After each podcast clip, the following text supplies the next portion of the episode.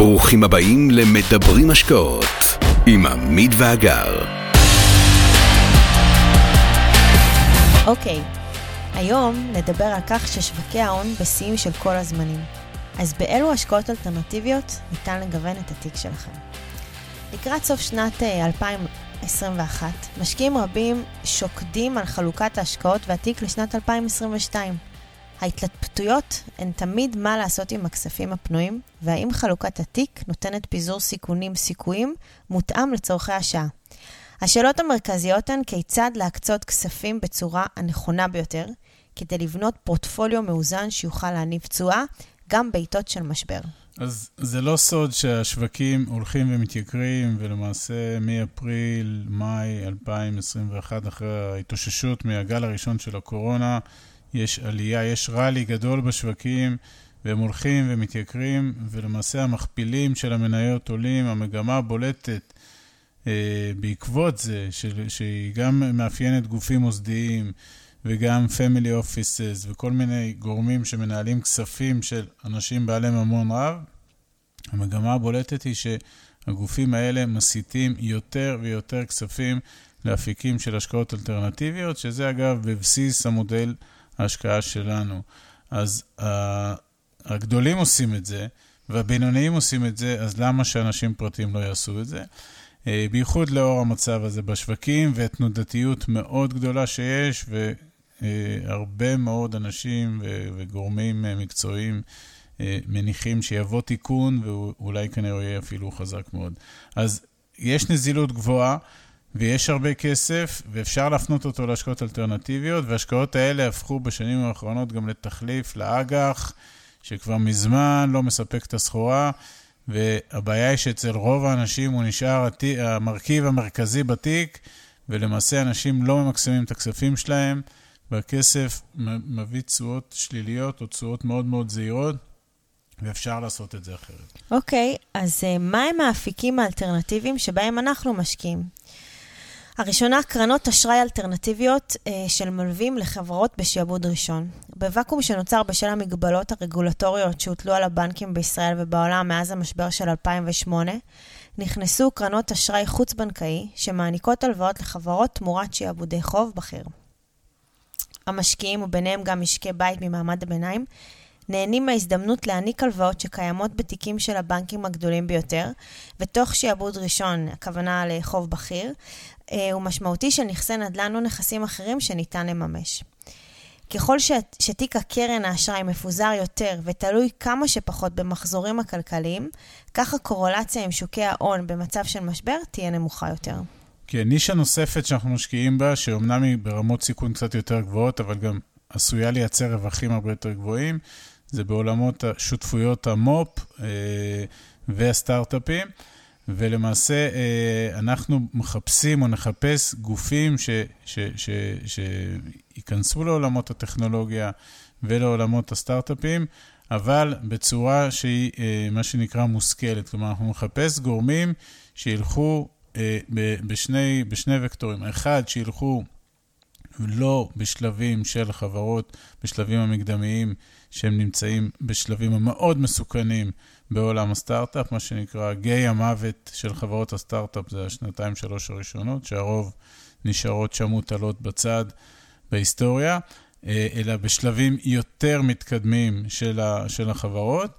כמובן שכשנכנסים בשלבים האלה, אז גם ה-evaluation של החברות גבוהה יותר, אז אנחנו נחפש להיכנס אחרי שלבי ה-seed, אבל נחפש להיכנס גם עם גורמים שאחד, יש להם ידע בנושא, שיש להם...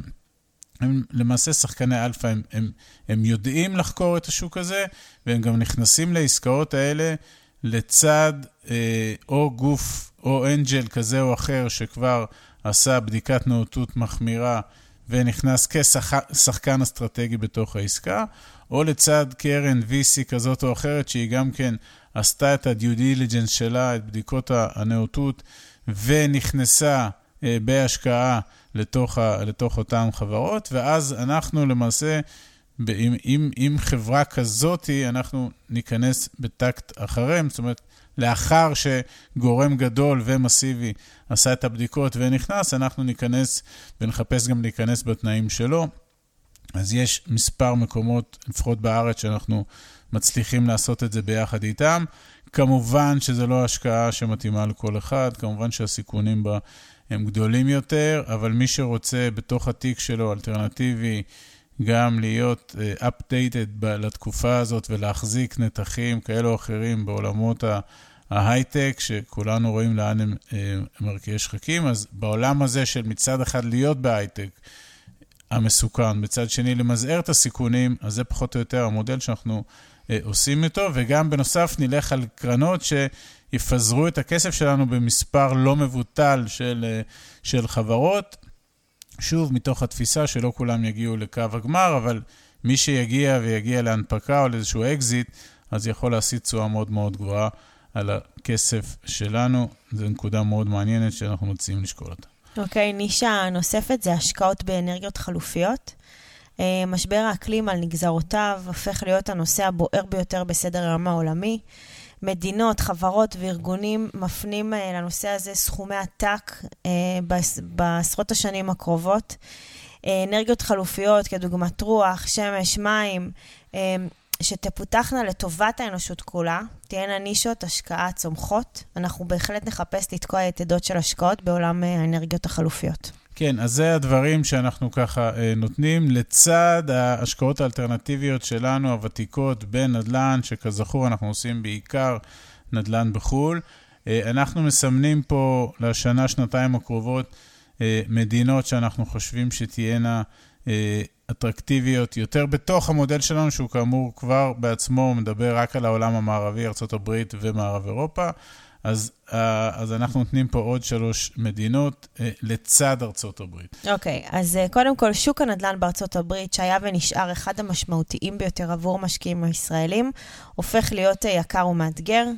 קשה היום הרבה יותר לאתר בו הזדמנויות. עם העלייה במחירי הבתים הקיימים, בתי היד שנייה, הופכות ההזדמנויות היזמיות לאטרקטיביות יותר ויותר. כמובן שהעסקאות האלה מצריכות היכרות מעמיקה מאוד עם השוק. וגם בעסקאות יזמיות וגם בעסקאות מניבות, תמיד נתבסס על יזם מקומי ותיק, אמין, בעל תוצאות מוכחות ובעל הון עצמי גבוה. אז מה הם השווקים החמים להשקעות נדל"ן? שנתחיל? כן, אז כמו שנאמר, ארה"ב כבודה במקומה מונח, אה, והיא תמיד אה, תהיה כנראה חלק לא מבוטל מהפורטפוליו, אבל התנאי המקרו שם, לפחות בשנה האחרונה, אה, מעידים על טיסה במחירים של כל הנדל"ן, בטח הנדל"ן למגורים. ולכן יהיה שם הרבה יותר קשה למצוא עסקאות שגם עושות שכל וגם עושות כסף. ולכן אנחנו מדברים כרגע על מספר מדינות אחרות. הראשונה, אנחנו מדברים על בריטניה. בריטניה אה, נכנסה לאקזיט, או לת... ברקזיט, סליחה. הם רצו לעשות אקזיט ובסוף יצא ברקזיט איפשהו ביוני 2016, ונכנסו לסחרחורת מאוד מאוד גדולה. ורק בתחילת 2020 הם מתחילים לצאת מהדבר הזה. בכל הארבע שנים שחלפו, היה קיפאון מאוד גדול בבריטניה בהרבה תחומים, וגם בתחום הנדל"ן.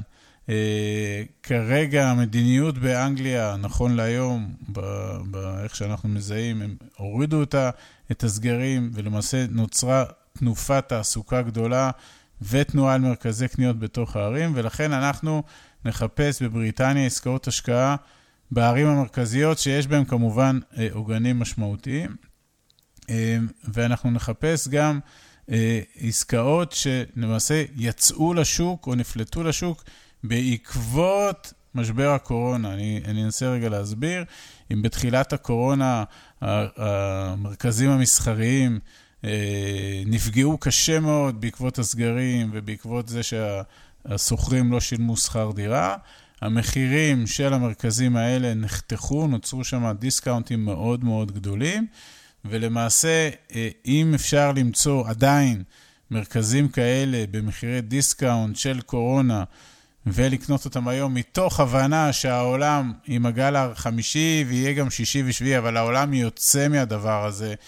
והולך קדימה, אם זה בחיסונים, ואם זה בתרופות, ואם זה בהתמודדות יותר מושכלת עם המחלה. זאת אומרת, ההבנה שלנו שמה שהיה פה במרץ, אפריל, מאי 2020, והסגרים בכל העולם, וזה שהקניונים האלה כמעט היו על סף פשיטת רגל, הדבר הזה יוצא. ואז למעשה, אם אנחנו מצליחים, כמובן, באמצעות השחקנים שאיתם אנחנו משקיעים, לא בעצמנו, כן? אבל אם השחקנים האלה מוצאים מרכזים מסחריים שמגלמים דיסקאונט של קורונה, מתוך הבנה שהעולם חוזר לשפיות, אז פה יש נתח של אה, רווח אה, מאוד מאוד משמעותי. אה, וגם נחפש באנגליה את סוגיית ה-PD, הסבת משרדים למגורים. האנגלים, גם הם, בעיקר בערים הגדולות, סובלים ממצוקת דיור, לא רק בארץ, אבל שם יש תחום שמאוד מאוד מפותח ומקבל גם רוח גבית מהשלטונות המקומיים, שלמעשה הם נותנים אישורים מאוד מהירים והיתרים מאוד מהירים להסב משרדים למגורים, ואז למעשה מדובר בעסקאות שהן חצי יזמיות, חצי מניבות, כי לא בונים בניין מאפס, אלא נכנסים לתוך הבניין הקיים ומסיבים את המשרד לדירה. יש ביקוש גדול מאוד לדירות האלה, ולכן זאת גם נישה מאוד מאוד מעניינת שאנחנו אה, בוחנים ועושים באנגליה. אוקיי, okay, אה, ספרד. המדינה נפגעה קשה מהגל הראשון של הקורונה, אה, ובמשך שנה שלמה מפרוץ המשבר היא הייתה בסוג של קיפאון, אה, לפחות בשוק הנדל"ן והיתרי הבנייה. הקיפאון הזה מתחיל כעת להפשיר, ונראה שב-2022 התיירות תתאושש וספרד אה, תהנה מתנופה כלכלית שתתבטא בשוק הנדל"ן המקומי שלה. וככל שענף התיירות העולמי יתאושש, כך נרגיש יותר בנוח להשקיע, להשקיע בספרד ולהפך. אה, מדינה נוספת שאנחנו אה, מסתכלים עליה ובוחנים עסקאות, וגם עשינו שם כבר שניים, שני מהלכים, זה, זו הולנד. הולנד מוכרת לנו ברמה של התיירותית, פחות ברמת משקיעי הנדל"ן, אבל גם בהולנד יש לא מעט הזדמנויות. אה, גם כמדינה תיירותית וגם בשל המיקום הגיאוגרפי של הולנד והקרבה לים. ולמעשה איזשהו שער כניסה לאירופה מצפון. אז נדל"ן, אה, מה שנקרא נדל"ן אה, בצורת מרלוגים של מרכזים לוגיסטיים, אה, שמאוד מאוד הפכו להיות מאוד מאוד מבוקשים, בטח עם כל התפתחות ה-e-commerce והצורך לאפסן ולאחסן את הסחורות. אז הולנד היא בהחלט מקום מעניין להשקעה, וכשיש שם משהו מעניין, אנחנו בהחלט בוחנים אותו בעין מאוד מאוד חיובית. אז נסכם. כדאי לשמוע מהם הקריטריונים שלנו לבחירת שחקני אלפא, ואתם מוזמנים לשמוע את זה בפרק שלנו uh, בנושא, מודל בחירת שחקני אלפא של עמית ואגר. Uh, כן, אז רק אני אומר עוד מילה, uh, 2022 בפתח, uh, אנשים חושבים איך לגוון את התיק. התהייה, הטענה שלנו, או הקו המנחה שלנו, שלצד הכספים שמנוהלים בשוק ההון, אה, צריך גם להסיט כספים להשקעות אלטרנטיביות. נתנו פה איזשהו טפח מה, גם מהתפיסה שלנו וגם מהמקומות שאנחנו חושבים שיהיו רלוונטיים בשנה הקרובה ובשנים הקרובות. כמובן שכל אחד יעשה את השיקולים שלו ויתייעץ עם אנשי המקצוע המתאימים לו, אבל זאת ה... לשם אנחנו אה, הולכים ובמקומות האלה אנחנו משקיעים. תודה. עד כאן להפעם. כרגיל, שמחנו לשתף בידע ובניסיון שלנו, מקווים שנתרמתם. מי שממש רוצה להכיר ולהיחשף להזדמנויות ההשקעה בהן אנחנו משקיעים, מוזמן לאתר שלנו, תוכלו למצוא הכל שם. אנחנו כמובן גם פעילים בכל הרשתות החברתיות, מוזמנים לעקוב אחרינו. אם אתם מכירים אנשים נוספים שהתכנים שלנו יכולים לסייע להם, נודה לכם מאוד אם תשתפו אותם. להתראות חברים.